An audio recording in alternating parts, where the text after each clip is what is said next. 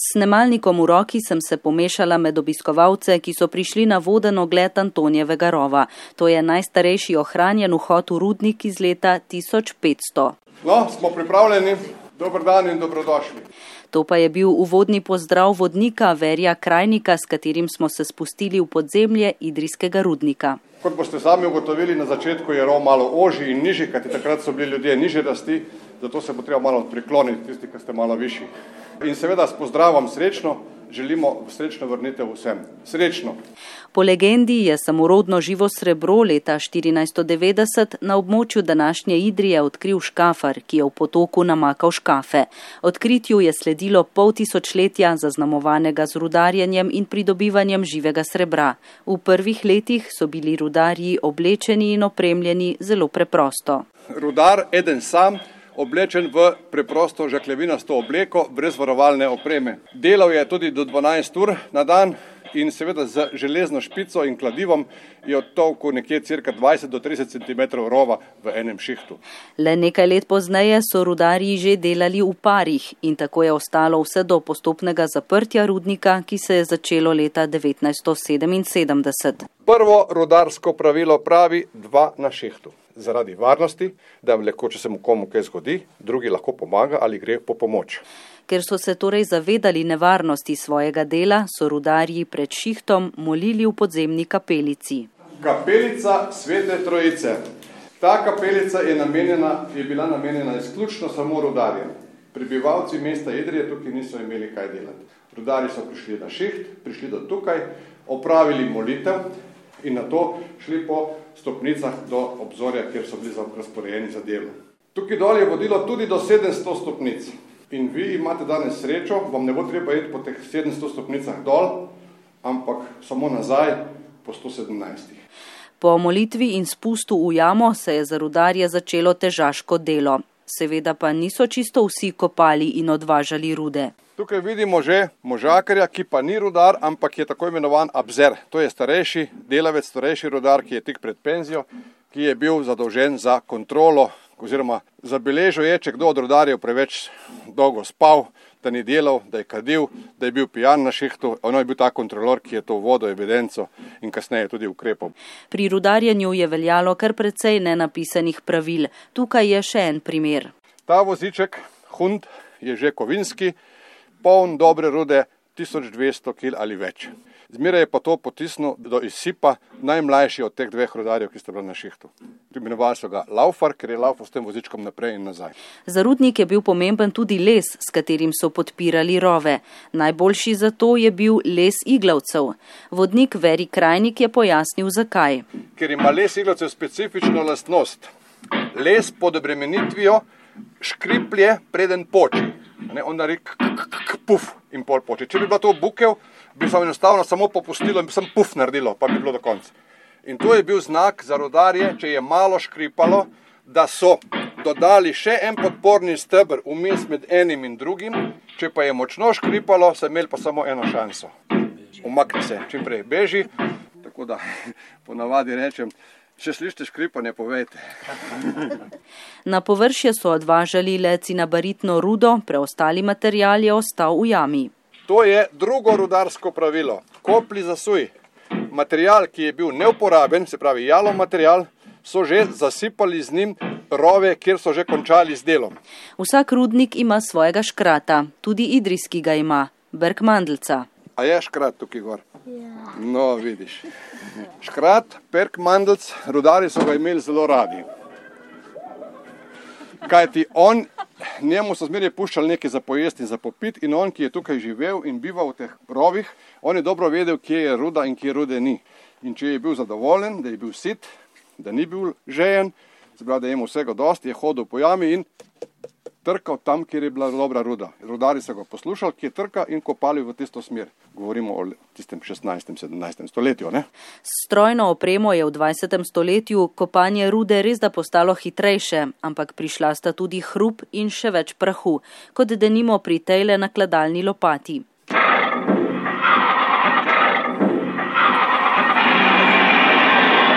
Tako da lahko se predstavljate, 8 ur, a ne pa so se tam le tudi nakladal, tako da to je bil neznosen hrup in prah. V novejšem obdobju so uporabljali tudi dinamit in drugo razstreljivo. Vrtine sta zvrtala rudarja do globine 80 cm in ko sta to naredila dokončno, sta poklicala minerja, miner je moral priti do tu in nastaviti eksploziv. Zdaj pa tole močno pritisnem, da lahko kar. Še enkrat. Še enkrat. Tako, vidiš. Dobro. Trikrat je razneslo, a ne? Bravo. Si zaminiral. Jaz se še spomnim, ko smo ob 8. zvečer gledali tisto reklamo, cik-caka, pred dnevnikom. Bom mi naredila tukaj v Idriji. Ko so začeli uporabljati vrtalne stroje za raziskave terena, se rudarji niso več zanašali na škratove, brkmandlčeve namige, ki je naj kopljajo. S tem vrtalnim strojem so vrtali tudi do več 100 metrov daleč. Vrtali so z diamantnim ali pa z vidiarezilom. Vrtalec, ki je to opravljal, je moral voditi evidenco, v katero smer vrta in kako daleč vrta. Na vsakem metru je moral označiti, na katerem metru je vzorec vzet in to so poslali v laboratorij v rudniku, tam so to zdrobili in pregledali, če je kaj rude ali ni. Vhodov v rudnik je bilo deset, a samo tri dvigala. Teh vožen z dvigalom na šiht se spominja tudi Jože Pavšič. Dvigala so bila malo problematična, ker so bila mehna. Te rapatale sta šala do skus, zdaj je bila kar kriza, ker je bilo veliko rudarjev. Čunajte, so bilo obdobje Jurija 100, približno je bilo nas, ne naenkrat, ampak jutranji šiht na dveh jaških jih je imel tam, eh, ne 600. Tad je več kot pol ure se narod vozil not. Za tiste rudarje, ki so uživali kakšen privilegij, so rekli, da so iz ta srebrnega oddelka. A veste, videli, nismo bili zlati, tle smo bili osem srebrni. Tako da malo bilo razlike napram drugod. Živo srebro je pri sobni temperaturi tekoča kovina, ki topi zlato. Tudi zato rudarji v jami niso nosili nakita. Rodari, ja. nismo imeli prstano poverišic. Ja. Edino zobo ni škodovalo. Ker imaš tu tista slina, to res. A, ja, ja. Smo mi do zlate zobi včasih. Ja, Nekam saj. se mogo dati znar. Je bilo tako? Zlato je bilo zmeraj stabilno, ne? najbolj da zlate zobe kupo. Kot je povedal vodnik Veri Krajnik, so idrijski rudnik zaprli zaradi treh ejev: ekonomije, ekologije in Evropske unije.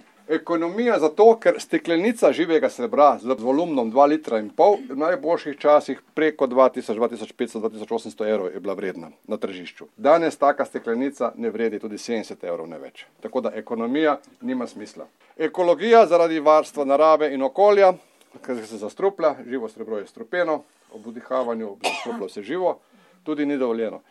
Evropa, ko smo Slovenija šla v Evropsko unijo, je podpisala dokument, da rudnika ne bomo nikoli več odprli. Na ogled rudnika lahko gre največ 75 obiskovalcev hkrati, saj so zmožnosti prezračevanja podzemnih rovov omejene. Poleg tega se ob prevelikem številu ljudi jama tudi preveč segreje. Sicer pa je voden ogled primeren za vse starostne skupine obiskovalcev. Lani so ga prvič priredili in popestrili tudi za najmlajše. Strokovni sodelavec Davor Vodopija. To je lov na Perkmandličkov zaklad, ki je zastavljen nekako tako, da je zadeva zelo interaktivna. Otroci dobijo svoje markice svojimi poklici, dobijo svoje svetilke, svoje urodje, pač njim primerno in se podaja skupaj z vodičem na ogled Antonijo Harova, kjer spoznavajo rudnik na ta način, da izvajo različne rudarske poklice. Na koncu pa jih seveda čaka tudi zaklad. Zgodba iz Antonijevega rova je pred letom dni dobila svoje nadaljevanje v obnovljeni topilnici, kjer so iz cinabaritne rude pridobivali živo srebro. Martina Pelhan iz Centra za upravljanje z dediščino živega srebra Idrija. Na tej razstavi v topilnici vidimo poleg razvoja žgalništva tudi predstavitev živega srebra skozi filme, kratke video predstavitve, animacije in tudi naprave, ki so nekoč delovale s pomočjo živega srebra. Obiskovalci spoznajo to edinstveno tekočo kovino, ki je praktično vplivala več kot 3000 let na razvoj civilizacije. Da bi v Idrijo znova privabili toliko obiskovalcev, kot so jih pred 20 leti, torej vsaj 30 tisoč, so posneli tudi nov predstavitveni film. Avtor je Stane Jeršič. Snemanje v rudniku živega srebra je bil res pravi izziv. Torej, najprej tudi po tehnični plati, ker si gre vendarle za dost zahtevno, treba je bilo dodatno osvetljevati, torej v jami je temno, delno tudi prašno, predvsem je bilo pa pol zanimivo pol tudi v montaži, ko je bilo potrebno te dve lokaciji, Antonijev rov in topilnico povezati v eno skupno prepričljivo celoto. Če vas za ogled rudnika in topilnice v Idriji torej ni prepričal tale zvočni posnetek, vas bo morda film, ki si ga lahko ogledate tudi na naši spletni strani. Za konec pa le še knapovski pozdrav, srečno oziroma srečno.